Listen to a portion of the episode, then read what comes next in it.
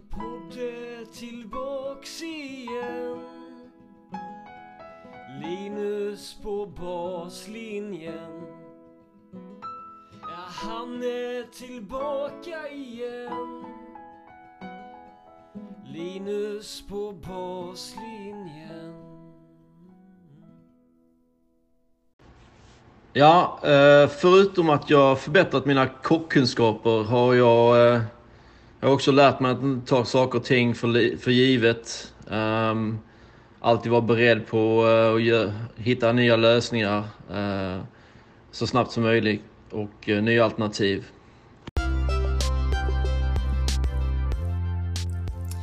I den här andra delen av vår college special där vi lär känna svenska collegecoacher så träffar, träffar vi Toby Hansson, coach för Ole Miss Athletics.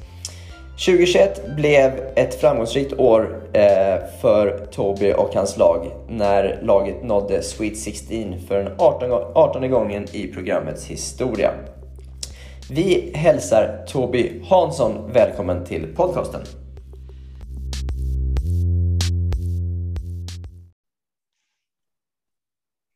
Då är den stora glädjen att få hälsa Toby Hansson välkommen till podcasten. Ja, tack så mycket. Eh, Toby, skulle du kunna börja med att berätta hur du kom till USA från första början? Ja, eh, jag kom över som eh, utbytesstudent eh, för länge sedan till Dallas. Mm. Och på den vägen är det. Jag började på Southern Methodist University, SMU, i, i Dallas 97, Mm. i januari. Och eh, hade en underbar tid där. Så Ja. det är på den vägen det började. Okej, eh, och eh, liksom hur, hur såg steget ut när du sen bör, liksom, började coacha mer och mer så att säga? Hur, eh, hur gick den övergången till att det verkligen blev ett yrke sen så småningom? Ja, det tog lite tid tror jag. jag efter jag blev klar med skolan, eller på universitetet i Dallas, så, så spelade jag tennis i, vad var det, fyra år kanske, tre, fyra år. Mm. Um, och sen så efter det så, så jobbade jag som coach på en skola i Texas. Um, på Texas Tech. Um, men men uh, slutade efter ett år, stack tillbaka till Uppsala faktiskt och och pluggade. Mm. Jag tänkte jag skulle gå in på någonting helt annat. Um, men sen så, så fick jag kontakt med en före detta coach här på Miss som, som eh, tyckte att jag skulle ta det, göra, ta en chans att komma över en gång till. Men det jag märkte var lite grann att även un- under de åren som jag spelade heltid tennis Ja. så, så tränade jag i Helsingborg. Och Mm. ehm, ja, jag tränar mycket med Filip Pripic och många andra spelare. Och jag märkte lite grann att, att jag hela tiden hade en tendens att försöka liksom um, pusha på på träningarna och, och liksom hela tiden eh, hjälpa till så mycket jag kunde också. Mm. Eh, så att det, blev, det blev den stämning jag hade där i med, även när jag tränade med de yngre killarna. eh, Jonas Berg och, och Adrian Pripic och, och några av de juniorerna på den tiden som, som var 16-17. Så, så, så försökte jag hela tiden hjälpa dem på träningarna märkte jag. Så att Okej. jag hade en li- en naturlig tendens att, att vilja hjälpa till. Okej, okej. Eh, och, och när du kom till Ole Miss sen så förstår jag att du började väl som en form av assisterande till Billy Chadwick?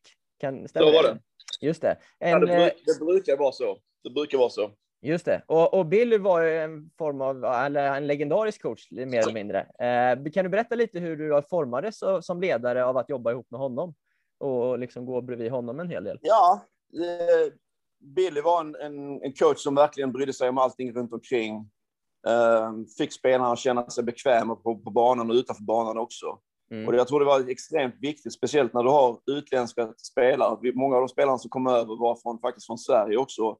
Okej. Och han, han skapade en, en härlig miljö att, att trivas i. Och Ja. eh, på den vägen började han. hade det som liksom sin, sin första prioritet, tror jag.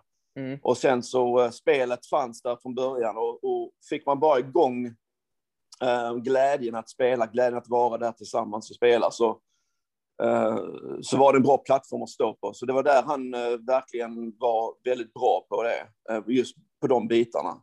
Eh, och, och hit- hitta rätt typ av spelare också, eh, som, som passade in i ett lag var han Ja. också väldigt bra på. Ja. Du sa att det är en ganska, eller det är en normal väg att gå, att man börjar som, som assisterande innan man får ett headcoachuppdrag eh, på college. Då. Eh, skulle du säga att ens ledarstil förändras någonting när man går från att vara assisterande till headcoach i början? Det steget, hur, hur påverkar det ens ledarskap så att säga? Ja, alltså det, det du, du kan göra är att uh, ibland så var det ju situationer som, som du kanske hade som assisterande tränare gjort på ett annorlunda sätt. Du kunde, okay. Man kunde hanterat en situation på ett annorlunda sätt. Ja. Uh, det fanns ju många olika bitar man, kan, man, man skulle kunnat känna att okej, okay, jag, jag kanske inte riktigt håller med huvudtränaren på det hållet. Det. Men, men eh, jag, jag, får köra, jag kör på den linjen nu. Vi har ju, så man får liksom acceptera vissa grejer som, som assisterande tror jag. Okay. Men eh, jag hade ju rätt så fria händer när det gäller träningen och runt omkring. Billy lät ju mig ta hand om mycket, för han hade ju mycket förtroende för mig på det viset också. Va? Så att i, mm. i mitt fall var det väl inte så där jättestort steg, men visst, det var ju alltså runt omkring också att man kan sätta sin egen prägel på det lite mer som, som huvudtränare. Och sen givetvis, givetvis det, i slutändan så är det ju ditt ansvar som huvudtränare. Just det. Ett mycket större ansvar. Så att, um, ja, det, ja. det är de bitarna som, som, är, som gör att det blir annorlunda så att säga. Just det. När, när du sen blev huvudtränare, vilka var de första grejerna du ville liksom sätta din prägel på? Ja, alltså jag... Eh, vi har ju alltid haft ett min, mindre lag här på med som hade normalt sett 8-9 spelare, så det har jag fortsatt med att ha för att jag, jag känner att jag har haft eh, kunnat ge alla spelare samma typ av, av behandling. Okej. Okay. Och det har jag tryckt på väldigt hårt, att vi, vi försöker att, eh, ska vi köra individuella träningar eller lite mindre lagträningar, att alla får samma chans att bli bättre hela tiden. Så det är en mm. sak. Och sen så har jag väl få in lite annan, uh, lite annan struktur på, på, på träningarna. Mm.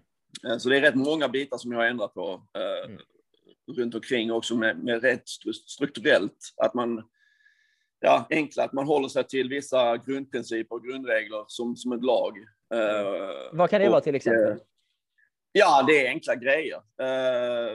Kom i tid. Uh, håll, håll rakten i näven. Att man inte liksom ja, flippar ut på träningarna. Att man håller, håller sig så matchlik som möjligt på träningarna. Att intensitet på, på träningen är så matchlik som möjligt. Mm, mm. men sen också Eh, hur man pratar med spelarna. Eh, men jag tror att eh, just de här bitarna runt omkring, att man håller rutinerna klara, att uppvärmningen är, är, är varje dag ska den göras mm. och att man, att man gör det till 100 procent hela tiden. Jag tänker när, när spelare kommer till college, kan, ja. de inte, kan de inte sådana saker redan? Alltså alla har ju sina egna rutiner. Ja. Um, och vissa eh, spelare har inte de rutinerna inne och de gör sina egna grejer och vissa gör det inte alls. Så det är väldigt stor skillnad på, på spelarna, eh, deras, eh, ska man säga, grunden de har.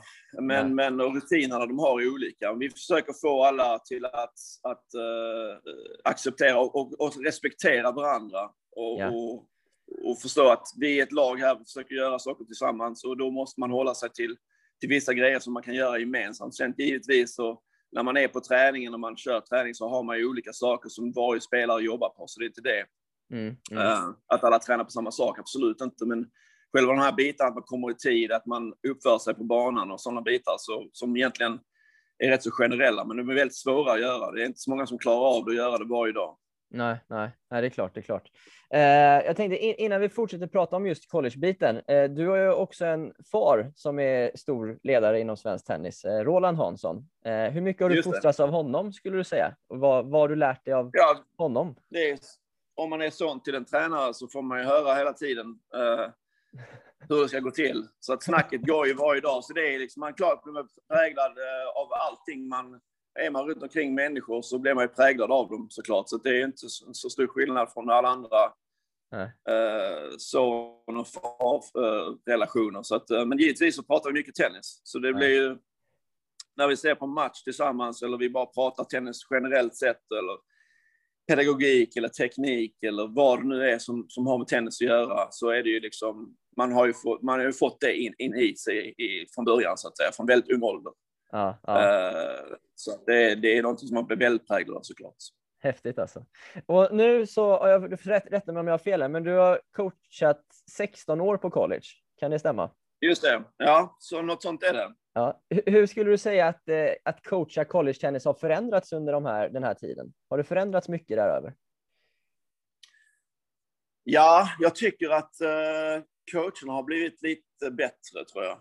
Okay. Uh, och de, de har lite mer fokus på, på utveckling. Okay. Uh, förr i tiden. Så, och, men det är fortfarande så att uh, det största fokus på vissa coacher är att rekrytera bra spelare, det var det ju hela tiden. Men jag tror att det är, det är fler coacher nu som, som verkligen jobbar uh, på banan och, och, och, även på fysbiten. När det gäller allting så har det blivit lite bättre, men det blir det ju överallt kan man säga. Men, men, men utvecklingen går ju framåt och jag tycker att det är fler bra lag idag som, som har, har duktiga spelare och duktiga tennisprogram här okay. än tidigare. Förr i tiden var det kanske bara en 25 lag som verkligen hade chans, eller ja. kanske bara 20. Ja, ja. Kanske mindre än det, men idag så finns det, det är större bredd idag på, på, uh, på college-tennisen. Så att det, um, jag tror det är fler också, fler spelare som kommer över utomlands också som, som är duktiga spelare från början som tycker att det här är en, ett väldigt bra alternativ till mm. att uh, gå ut på touren redan som 17-18-åring. Hur, hur, mycket skulle du säga, hur mycket fokus är det på att, liksom, på att utveckla spelarna kontra att göra resultat den här säsongen så att säga? Hur, mycket tänker du som coach långsiktigt för spelarens utveckling och hur mycket resultat här och nu? Ja, alltså jag tänker ju hela tiden hur varje dag är liksom annars fokuserade på resultatet så blir det väldigt svårt. Och, för då går det ju upp och ner hela tiden och spelaren blir helt... Uh, ja, det, det, det, blir liksom lite kaos då på det viset. Men, men mm. det är klart att i slutändan vill man ju åstadkommer du någonting på banan också. Det vill ju de givetvis också. Alltså det är, vi jobbar ju mycket eh, med deras tennis hela tiden. Och det kanske vi vi har fått in väldigt duktiga spelare här på MES också, men eh, jag tycker att vi hela tiden jobbar eh, strukturerat under de förhållanden vi har här. Vi jobbar med killarna under terminerna, så det blir åtta, nio månader kanske som vi jobbar med spelarna. Mm. Och, och sen är det ju väldigt mycket upp till dem på sommaren, speciellt att spela mycket matcher, och, eller många matcher. Mm. Och verkligen utveckla sig och spela, spela tennis hela tiden. Men, mm. men alltså, utvecklingen sker ju dagligen och vi, mm. vi jobbar på uh, detaljer och, och deras uh, teknik. Även tekniskt sett så jobbar vi med vissa spelare också. Mm. Den största skillnaden som jag ser är att de utvecklas rent mentalt, att de, de blir mognare på banan. Mm. De blir äldre och mer erfarna. Mm. Uh, och de fysiskt blir de ju mycket bättre också. Och det är mm. en stor bit, tror jag, som man kan utveckla på college. Uh, och sen så gäller det att hitta en coach som man kan verkligen kommunicera bra med, som, som har, uh, ja, de kanske tänker lika på vissa sätt som, som spelaren gör um, när det gäller hur de ser på tennisen överhuvudtaget och. Um, konsekvenser av om, om saker och ting händer på banan, vad, vad händer då? Det vissa coacher här är ju lite, lite mer gammeldags kan man säga fortfarande, när det mm. gäller vissa bitar. Ja. Uh, så att, och, och det är kanske inte, speciellt kanske europeiska spelare, kanske inte riktigt uh, har blivit uppvuxna med den typen av ledarskap. Så att, uh... Ja. Hur, hur, skulle du beskriva din egen ledarstil? Och hur har den förändrats de senaste åren? Alltså jag, jag, eh, jag tror ju på att man ska uppmuntra hela tiden spelaren får ut, alltså de får utveckla sig själva på banan och verkligen upptäcka sig själv på banan, tror jag är viktigt. Mm. Att de går in och försöker olika saker, prova, låta dem prova olika saker, testa olika saker hela tiden och söka sig fram successivt. Mm. Så att det är mm. de som känner lite grann, även om jag kanske har svaren hela tiden, jag kan ge dem ett svar om de frågar mig och de är intresserade av att få veta det. Men jag tycker det är viktigt också att de tar mycket initiativ själva. Mm. Och jag får låta dem, de får låta sig testa dem fram, och för då, då känner, jag tror de känner sig det är, det är lättare för dem att acceptera också. Jag har provat det och det funkar. Och jag kom på det själv. Att spelaren själv kanske kommer på sakerna och då verkligen då tror de på det också. Mm. Sen kan de, den kan de givetvis stämma av med mig och, och, och testa vad tycker du om det här. Liksom. Men jag tror det, här, det är viktigt att inte hela tiden bara ge instruktioner och säga till dem exakt vad de ska göra för någonting. Vad de, utan de får själva kanske testa lite grann och sen kan man fråga dem vad tyckte du om det alternativet där och skulle du kunna ha gjort någonting annorlunda på det i det momentet? Mm.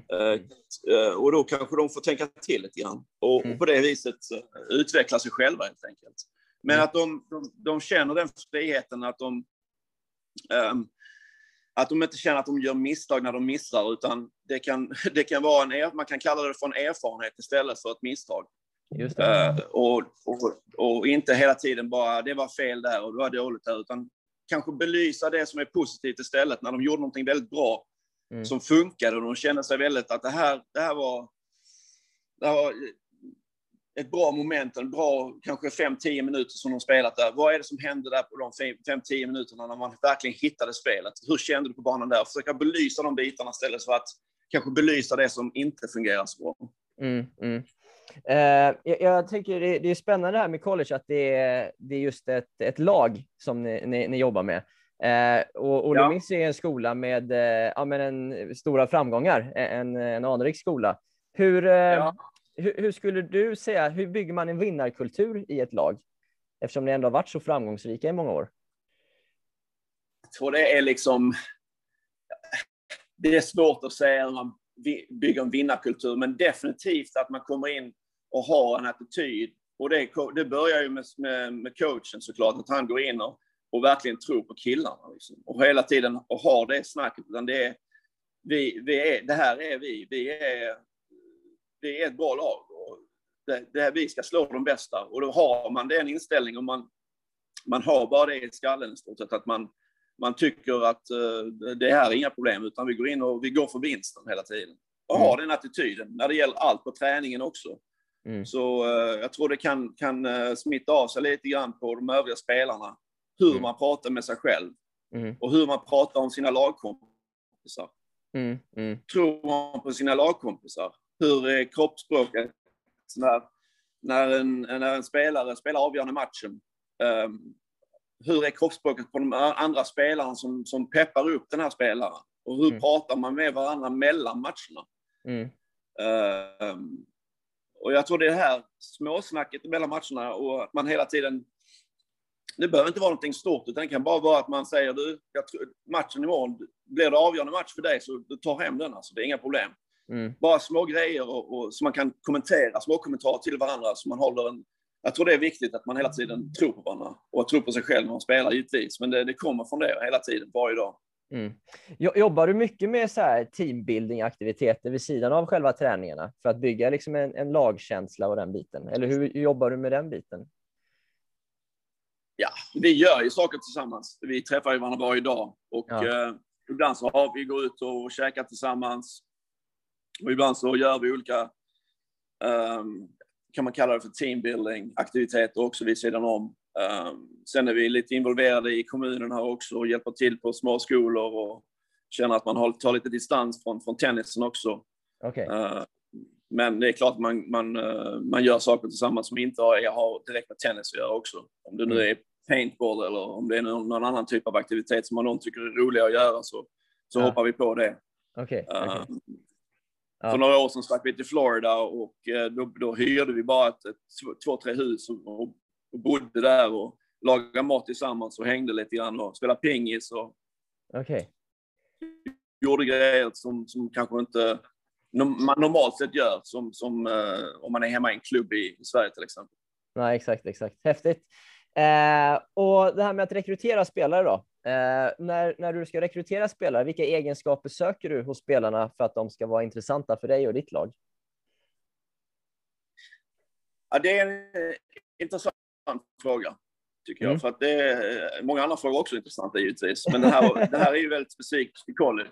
Men, ja. men äh, där har jag, tycker jag, har kanske lärt mig lite grann att man att jag inte hela tiden tittar på eh, här och nu. Och jag tittar lite mer på vem person, försöker så mycket som möjligt titta på vem, vem det är jag rekryterar utanför banan också. Inte Okej. bara på banan, men hur han, hur han uppträder och vilken typ av attityd han har på banan givetvis. Men, men eh, jag försöker ta reda på så mycket jag kan om spelaren och försöker att, att lita på mina egna intuitioner när det gäller och när jag träffar en spelare så, så kan man känna lite grann var, var de är någonstans. Och Ja. jag tror att eh, jag tror att inställningen och attityden, man kan inte komma ifrån det, utan alla, det finns så många duktiga tennisspelare som kan spela forehand och backhand, men ska du jobba med en spelare så, så måste man kunna vara på samma slags våglängd och kunna Mm. kommunicera och ha samma mål. Mm. Och har spelaren ett annorlunda mål och kanske är lite trötta på tennis och inte lika sugen som du är och utveckla spelaren, så Mm. blir det lite, då blir det, då blir det tufft helt enkelt och blir bättre. Mm. Så att eh, jag tycker att det, jag tittar inte så mycket på resultat som jag gjorde tidigare. Det är klart att man måste vara en duktig spelare, det är inget snack om det. Men jag väger in, jag väger in en ganska stor eh, del av det jag tittar på är upp, inställning och attityd. Okej. Och är det Mm. genom att du ser dem i matcher då eller genom samtal liksom? Som Mm. du... Mm, det kan vara samtal, det kan vara... ehm, det kan vara ja, jag, om jag tittar på en match så tittar jag på uppträdandet. Mm. Jag tittar på kroppsspråk. Jag tittar på eh, hur, hur de helt enkelt... Nej, till och med att eh, om jag är där innan matchen, vilket jag brukar vara, så kan det vara sådana grejer som att värmer killen upp innan matchen eller inte. Liksom. Just det. Eh, eh, hur behandlar han människor runt omkring honom? Mm. Mm. Vad- Alltså, det kan vara att han har en, eh, uppför sig bra på banan, men han är inte sådär eh,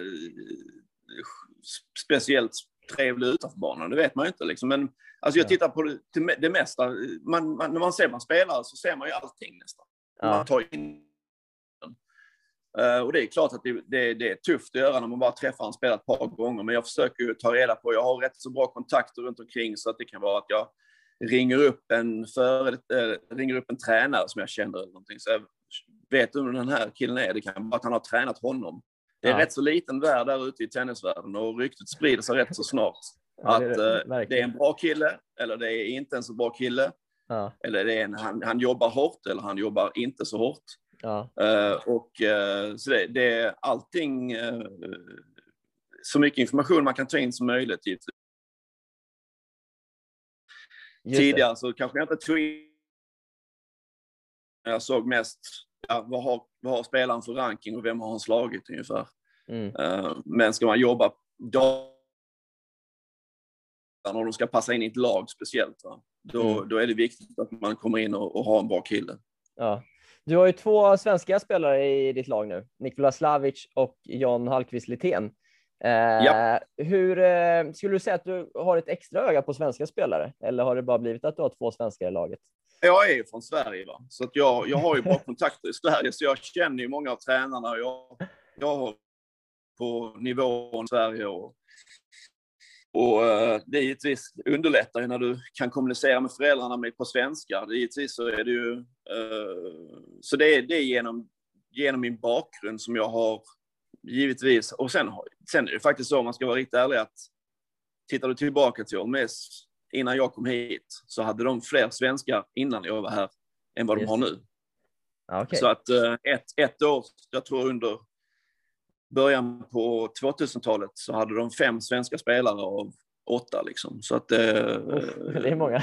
ja, det, det var ja, ja, Martin Sjöqvist och Alex Hartman och Claes Lindholm och det var många andra spelare som, som, eh, som var på de lagen. Så, så det, var, det är nästan färre idag som vad det var tidigare. Men eh, Okej. givetvis, givetvis har jag koll. Så med dig så har det alltså gått ner, kan man säga. Ja, jag från 52. ja, exakt. Eh, en annan bit som jag tycker är intressant med, med college är, med, och med lagspelet är att för nya spelare som, som kommer dit så kanske det kan upplevas som en form av press att spela i ett lag också. Att man inte bara spelar för sig själv utan man vill liksom göra resultat för, för laget också. Hur hjälper du Mm. nya spelare att hantera en sån form av eh, känsla ifall den infinner sig? Och upplever du att det Alltså, har det är- funnits den känslan liksom, hos vissa? Ja, det är klart att det är det sista man på plan och du vill prestera för laget. Vi, vi börjar ju spela tre dubbelmatcher och vinner du två av tre dubbelmatcher får man en poäng. Sen spelar man sex singelmatcher på det, så man spelar om sju poäng och det är klart att står det tre lika i poäng mm. och det är avgörande match så känner givetvis den spelaren att den här poängen är ju mycket viktigare än den andra poängen som de andra spelarna har mm. vunnit. Mm. Um, och det är naturligt att det är på det viset, men det är, matematiskt sett så är det bara en, det är bara en poäng. Liksom. Och ibland så vinner man, ibland förlorar man. Ja. Och, eh, och nästa gång är det en annan spelare som är i den situationen. Så att, ja. Eh, och sen kan man också se det så att hade inte de andra killarna vunnit så hade man inte varit där ändå. Alltså det, det, den, den pressen kommer naturligt givetvis. Men det, förra året till exempel så spelade vi mot i stort sett bara topp 25-lag hela tiden. Och jag tror vi hade sex vinster och sex förluster en, en, efter kanske en och en halv månad. Okay. Uh, och, och, vi låg nia i landet liksom. Och, och, det, så att det, det, ja. blir klart, spelar man mot de bästa lagen så blir det vinst och det blir förlust. Och jag tror man får, den, får man den erfarenheten att, att ha varit där så börjar man kanske kunna slappna av och, och uh, kanske inte känna samma press. Men det är, det är som att spela i elitserien eller vad som helst. Och många av spelarna har ju spelat lagmatcher tidigare. Mm. Kanske inte lika mycket som man gör här givetvis på, på våren, men de har en viss erfarenhet av spela kanske lag-EM, de har spelat elitserien mm. och så vidare. Så de har lite koll på det här med lagmatcher. Mm. Men, uh, men det, samtidigt så är det ju otroligt roligt att kunna spela tillsammans och vinna tillsammans och, och, och, och kämpa tillsammans framför allt. Mm, mm. En, eh, en ständig diskussion som jag upplever i Sverige är huruvida college är ett steg att gå via för att sen bli proffs så att säga, eller om det inte är det. Hur, hur ser du på den eh, frågan? Vad är din upplevelse av det? Det beror ju helt på vem, vem det är. Liksom. Det, det är ju, alltså jag, det, det, det, är svår, det är svårt att säga att du ska gå till college, alla ska gå till college, eller ingen ska gå till college, utan det, det är lite personligt. Det kan vara att man, man kanske inte är um, man är inte, klar, man är inte färdigutvecklad fysiskt, att man måste ha, man har i stort sett man har en bit kvar att jobba på när man är 18 år och oftast har man det. Um, och sen så måste man ju ha gått i skolan uh, och fått betyg, så det är många som kanske inte har gjort det. Va? Och då, då blir college uteslutet helt, helt och hållet. ja, eh, så att eh, det, det, det, och sen kanske man inte är intresserad av att plugga överhuvudtaget och då är det ju tufft att gå på college för du måste plugga lite grann i alla fall. Ja, ja. Eh, så har du absolut noll ambitioner att plugga så det är ju, då är det ju valet enkelt. Va? Ja, ja. Men, men för många så är det ju en, ett bra alternativ för att man kan träna och utveckla sin miljö i lite egen takt och man har ett man har en backup och får en utbildning samtidigt som man kan träna i stort sett uh, hur mycket du vill. Mm. Så att, uh, och sen kan man alltid gå ut på sommaren som jag säger och spela futures och känna att man vinner några futures och kanske går, går, in i några challengers och verkligen börjar pressa på lite grann mm. och känna att man är med. Mm. Då, då kanske det är dags och det kan man ju gå på college i ett eller två år och sen känna att när nu jag, jag känner att jag, jag ligger 300-400 i världen eller spelar på en nivå som kanske ligger runt omkring där, mm. kanske ännu bättre.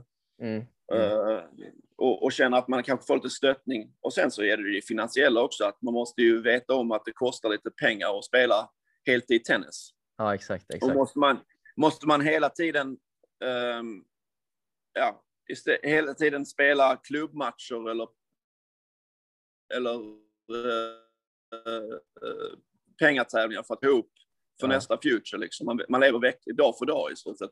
Då blir det väldigt tufft att spela ja. för att då känner du hela tiden att den veckan man kan spela en future då, då jag måste gå till semi här för annars så blir det ju det kan bli kaos. Jag kan inte spela om två månader.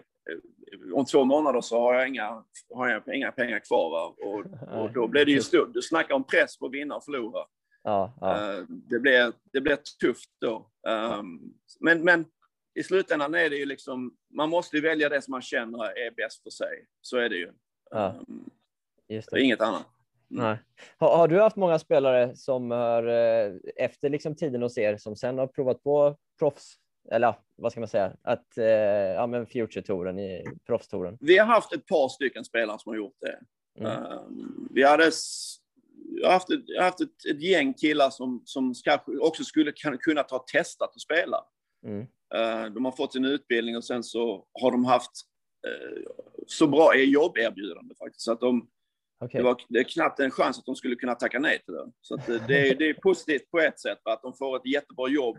Ja. Eh, att de får en fantastisk start på den karriären. Men, men eh, vissa spelare som har gett sig ut och har blivit, har spelat Davis Cup för deras länder och eh, gått in på topp 300-listan och, Mm. Och sådär. Va? Min, min, min coach, Devin Britton från USA, spelar ju bara ett år. Han vann NCAA-tävlingen och fick, fick väl bra anbud där och, och stack in och, och spelade proffs efter. Han var bara 17, 17 år, så han gick bara ett år. Va? Okej. okej. Och, och då fick han ju chansen att sticka ut, så han fick kontrakt att spela och han kunde satsa ordentligt. Va? Ja. Eh, Så gjorde han det i fyra år. Han var väl runt 100 i dubbel och runt 300 i singel kanske. Något sånt där, 350 kanske.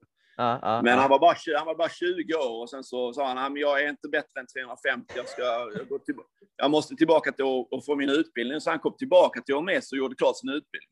ja, vad häftigt. Men då var han runt 120 eller 110 i dubbel Ja. och 370 i singel. Och då var han 20-21 år gammal. Ja, det är inte så illa. Eh, då, då kände jag lite att man kanske skulle kunna ge det några år till. Eh, men, och sen har vi haft andra spelare som har blivit klara med sin utbildning här. Nick Schultz från Sydafrika som spelade Davis Cup för Sydafrika i många år. Mm. Han, eh, han väl runt 350, något sånt där. Okej. Väldigt, väldigt duktig spelare. Ja. Och Tucker Worster, en annan kille från Sydafrika som också låg runt, jag tror han låg 270 i singel eller någonting. Ja. Och, så det, det har, vi har haft ett par killar som har gått ut eh, och spelat heltid tennis som har gett sig en ordentlig chans i alla fall. Häftigt alltså.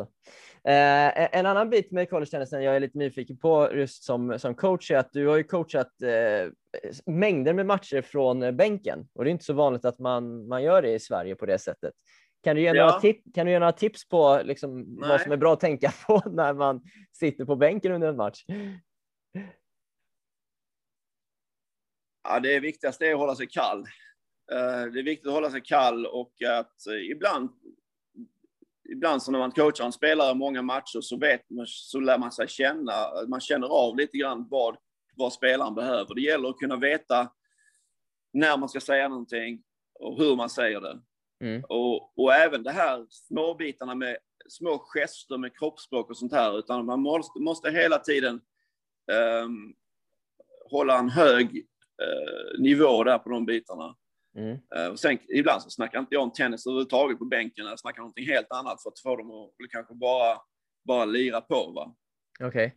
Ehm, att man inte går in i för många detaljer hela tiden. Att spelet i tennis är ju liksom, många vill kontrollera spelet för mycket och eh, säga till en spelare vad de ska göra för någonting. De kanske inte ens kan göra det momentet överhuvudtaget. Va? Nej. Eh, till exempel eh, ska man säga till en spelare som inte är van vid att spela servevolley och spela servevolley mitt i alltihopa när man inte har gjort det på hela matchen och kanske inte ens är så bra på att spela servevolley då kanske inte det är något bra alternativ. Att, att man hela tiden vet vem du tränar, vem du coachar, Mm. eh, vad har spelaren till förfogande. Ja. Man kan ju bara ställa fr- frågor till spelaren också ibland. Jag tror jag gör det ibland och säger, vad, finns det någonting du kan göra här? Ja. Finns det utrymme för ett annat alternativ här om man ligger kanske under med ett set och ett break? Liksom? Är det någonting vi kan hitta på eller ska vi köra på som vi Ja. gör? Ja. Eh, och finns de alternativen där i, i, i, eh, till förfogande så att säga för spelaren? Just det. Just det, just det. Och det är viktigt också. Och sen så, jag tror det viktigaste är att hela tiden att eh, eh, hela tiden markera de, vikt, de, de, de, de stora bitarna. Att man, nu, nu håller vi upp en, nu håller vi upp huvudet här och Mm. Eh, ja, lite pokerface, går in och, och gör, gör ett bra jobb så att säga. Man, Ja. man, man krigar på i, oavsett vad det står och oavsett hur det går. Speciellt i lagmatcherna tror jag det är viktigt. Ju- Just Absolut, den i, i lagmatcherna tror jag det är ännu viktigare att hålla en extremt hög karaktär på banan. Ja. För just den biten har jag upplevt eh, när jag har varit på, på Future-tävlingar och så vidare, att spelare som kommer från en collegebakgrund har ju ofta en jäkla tuff attityd på banan. Man, man ser nästan Ja. att det är en spelare från college. Hur, hur liksom, Alltså, jobbar ni mycket med det eller? Ja, det är klart att vi gör det. För det är otroligt viktigt när man spelar en lagmatch. Har man en kille som inte håller i sig och Ja. kanske får poängstraff och så vidare för att de beter sig illa på banan eller, eller håller på och sänker ner huvudet och, och skuldrorna lite grann. Då Mm. ger det negativa vibbar till resten av laget. Mm. Så det är ju det är A och O att hålla upp huvudet och eh, hålla, hålla vä- väldigt hög karaktär på banan och, och Mm. kämpa på så gott man kan. Sen, Mm. så, sen så accepterar vi att ibland så går det inte som man vill ändå. Va? Men de bitarna är extremt viktiga. Sen tror jag också domarna är extremt tuffa här borta. Mm. Eh, kastar du rakten får du poängstraff direkt, ingen varning eller någonting. Ja, är det så? Och eh, ja, så är det. Okej. Så är det. Och där är det lite, där, där är de inte hela tiden konstanta heller, utan det kan vara att en gång så kastar man racketen och så får man ingenting och så nästa gång man kastar den så får man någonting. Så att det gäller att inte göra, och det, därför tränar vi så på det viset också. Alltså på träningarna så, så håller vi i racketen. Ja. Okej, och vi försöker göra de bitarna till perfektion. Så att det är fint. Det, vi behöver inte ens bry oss. Vi, vi vet att spelar den här killen på bana fyra, jag, jag, jag litar på att han kommer att göra de här bitarna, för det gör han på träning varje dag. Mm. Så det är, jag tror trä- det börjar på träningen och sätta den, den typen av nivån måste vara där på träningen hela tiden. Mm. Och det är, tills det sitter där så kan man inte ens, då kan man inte lita på att spelaren och killen, spelaren kan inte lita på sig själv heller, att han inte kommer, kommer att tappa det här. Mm. Så att det, är- de bitarna är extremt viktiga och därför kan man säga att college-spelare kanske är, ja, de har bättre rutiner kan man säga. Mm. eh, än många andra spelare som man kanske ser på Future-touren eller hemma Mm. Mm. på sommartouren eller vad som helst. Att där, där, kan det, där kan det hända lite spektakulära grejer. Jag har ju sett en hel del när jag varit hemma och tittat på sommartourtävlingar också. Att det, Mm. där, håller, där, där håller de inte samma nivå på det, på det planet. Va? Nej. Och eh, många, många gånger så faller det på det faktiskt. Ja. Eh, u- utan att nämna namn så här, men rent generellt när du kollar på spelare du vill, är intresserad av att rekrytera från olika nationaliteter. Eh, Ja. ty, ty, hur tycker du svenska spelare ligger till när det gäller sådana här bitar som karaktär, eh, rutiner, eh, inställning och så vidare? Nu kan inte jag prata om, om andra spelare, men jag har ju två killar här som är fantastiska Mm. när det gäller de, de bitarna. De, Mm. de är otroligt bra upptränade och de har de, eh, de, de är verkligen eh, ett, ett, en förebild för många andra spelare. Mm. Eh, Nu har vi många spelare i vårt lag för tillfället som har extremt bra karaktär på banan Mm. och fint uppträdande. Och, eh, så det, där, där, där, kan det, där, är det, där är det väldigt bra här. Men Mm. sen har jag ju sett på sommartouren och där, där kanske inte... Ja, de, de, det, det, det är okej att uppträda dåligt på banan, det händer ingenting. Och Nej. bollarna flyger, flyger runt omkring och raktarna kan flyga ut från banan. Och Ja. Då blir det kanske bara en liten tillsägelse Just det. att håll, håll i racketen. Och bollen, rakten ligger ju inte ens på banan. Så, att, eh, så att det, är, det, det är tufft då liksom. Och då, Ja. sätter, man inte, sätter, inte man, sätter man inte några gränser där så blir det ju lätt att det lätt kan, kan, kan eh, bli fel så att säga. ja, just det. Så ja. att eh, där tror jag det har blivit så mycket bättre på sistone. Eh, det var väl kanske lite bättre eh, under den tiden jag spelade för länge, länge sedan. Mm. Kanske för 15-20 år sedan, då var det väl kanske inte lika eh, mycket, eh, vad ska man säga, eh, ja, den här typen av beteende på banan som, som, som jag ser idag. Mm. Um, och det kan, jag har inte sett på junior-SM så mycket, för jag har inte varit hemma på, den, på de tävlingarna så ofta. Men, Mm. men eh, den, den biten där var ju svenska spelare väldigt bra på tidigare. Ja. Jag växte upp med generationen innan mig och det var ju Thomas Enqvist och Magnus Norman. Och de killarna tittade man på när man var sex eller när man var 12 så spelade de upp i 14 och 18-klassen. Ja. Då såg man ju de killarna på banan och det var ju bara det var ju bara näven hela tiden va? och kämpa Ja. på som tusan. Så att, eh, där hade man ju bra ki- killar att se upp till. Jag tror det är viktigt att man har äldre spelare man tränar med hemma i klubben och Ja. eh, toppspelarna i landet, att de, att de håller den karaktären är otroligt viktigt. Ja. Hur, eh, hur bra koll har du på svensk tennis idag generellt? Eh, jag har rätt bra koll. Har Mm. rätt bra koll på, på, på svensk tennis. Jag, eh, jag följer med. Eh, sommartourresultat. Jag har ett par killar som spelar rätt mycket. Alltså, John spelar många sommartourtävlingar och ja. jag följer med juniorresultat uh, och sådär. Så jag har koll på, på lite grann har jag. Ja, Absolut. Tror jag kollar du... lite på Kalanka, Kalanka Cup nu, följer jag med lite grann och, och så vem som, vem ja, som var med och krigade där. Lite. Ja, men då är du bra insatt ju. Eh, tror du att du kommer jobba i Sverige igen i framtiden? Ja, det utesluter jag inte. Eh, jag har väl inte fått förfrågan direkt att jobba hemma i Sverige någon gång, men, eh, men eh, det, det, är ingenting jag utesluter, absolut inte. Jag har varit här borta i ganska länge nu, men, men samtidigt så har jag mina rötter i, i Sverige och mm. uh, tycker att det finns många bitar som, som, uh, som man gör väldigt bra hemma i Sverige. Och det är mm. väldigt trevligt att, att vara där och, och, jobba med dem. Jag kände, jag har fortfarande många kontakter som sagt hemma. Mm. Och, så det är ingenting jag utesluter. När du säger att det är många bra bitar som görs bra i Sverige, vad tänker du på då? Mm. Nej, alltså det här med att eh, rent generellt sett tror jag att eh, svenskar har eh, redan tidigt får, en, eh, får, får möjligheter att spela. Eh, spontant träna tennis och ta initiativ själva. Och jag tror att man, de svenska spelarna som jag har haft här eh, är i stort sett självgående. Att de, de, de fixar det själv helt enkelt. De, man, man kommer ju ihåg att man, man, man tog sig till träningen själv på cykeln eller man gick till träningen, när man cyklade till träningen och man spelade mycket spontantennis hemma. Man fick möjlighet att spela mycket och mm. göra saker utan att föräldrarna var egentligen direkt involverade i allting. Mm. I alla fall var det så på den tiden när jag växte upp.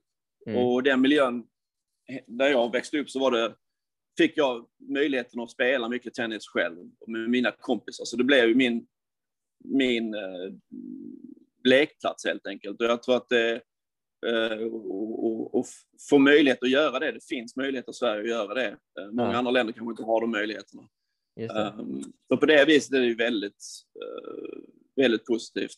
Ja. Och sen så det här hela, jag tror att tränare hemma i Sverige har också den, de försöker inte bli, blanda sig in i för mycket utan de får, man får leka sig fram och, och låta barnen och låta, låta spelarna själva kanske utveckla, utveckla sig på, sin, på sitt eget vis. Ja, ja. Just det. Eh, jag kommer att avsluta med, med, tre frågor här som jag, ska, som jag ställer till alla gästerna. Eh, yeah. skulle, skulle du kunna berätta en sak som du har lärt dig det senaste året? Uh, vad har jag lärt mig det senaste året? Um, jag har lärt mig att laga mat. det kunde du inte innan. Nej, men det, är lite, det, det har varit en corona, coronaviruset här har gjort att man varit hemma mycket och, och eh, man kan inte gå ut och käka och såna här grejer. Så där har jag blivit mycket bättre. Ja, läckert. Snyggt. ja, det är ett svar det med. Eh, vad tror du att du kommer ångra om tio år? Uh, tio år, att jag ångrar någonting. Det får vi se om tio år. Alltså just nu så, jag, jag lever, jag, jag, kan inte riktigt eh, besvara den frågan. Det finns inte mycket jag ångrar egentligen. Nej. Uh, men, lever i nuet? Uh, det, det, jag lever ett, jag, jag, får acceptera de sakerna som hände för tio år sedan, de hände liksom. Ja. Och då, då, i, det, i, det, i det läget så kände jag att det var rätt beslut. Just det. Ja, det är bra. Mm. Uh, sista frågan här då. I din roll som, som college coach, Tror du att du generellt ja. är bättre eller sämre än andra som har samma roll som du?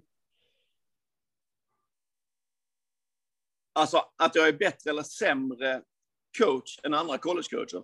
Generellt sett, ja. Um, det, det, är svårt att säga. Jag, jag, jag tror på det jag gör. Det kan jag ja. säga. Uh, och uh, jag, får låta det, jag får låta det vara med det. Alltså, jag tror på de bitarna, jag tror på den på det viset jag gör det. Och det, sen får man, uh, sen ska jag inte ge, mäta mig med några andra. De, kanske, de känner li, nog likadant som jag gör. Okej, okay. ja det är bra. Eh, Tobi, eh, tack så jättemycket för att du tog dig tid och delade med dig. Absolut. Absolut Linus.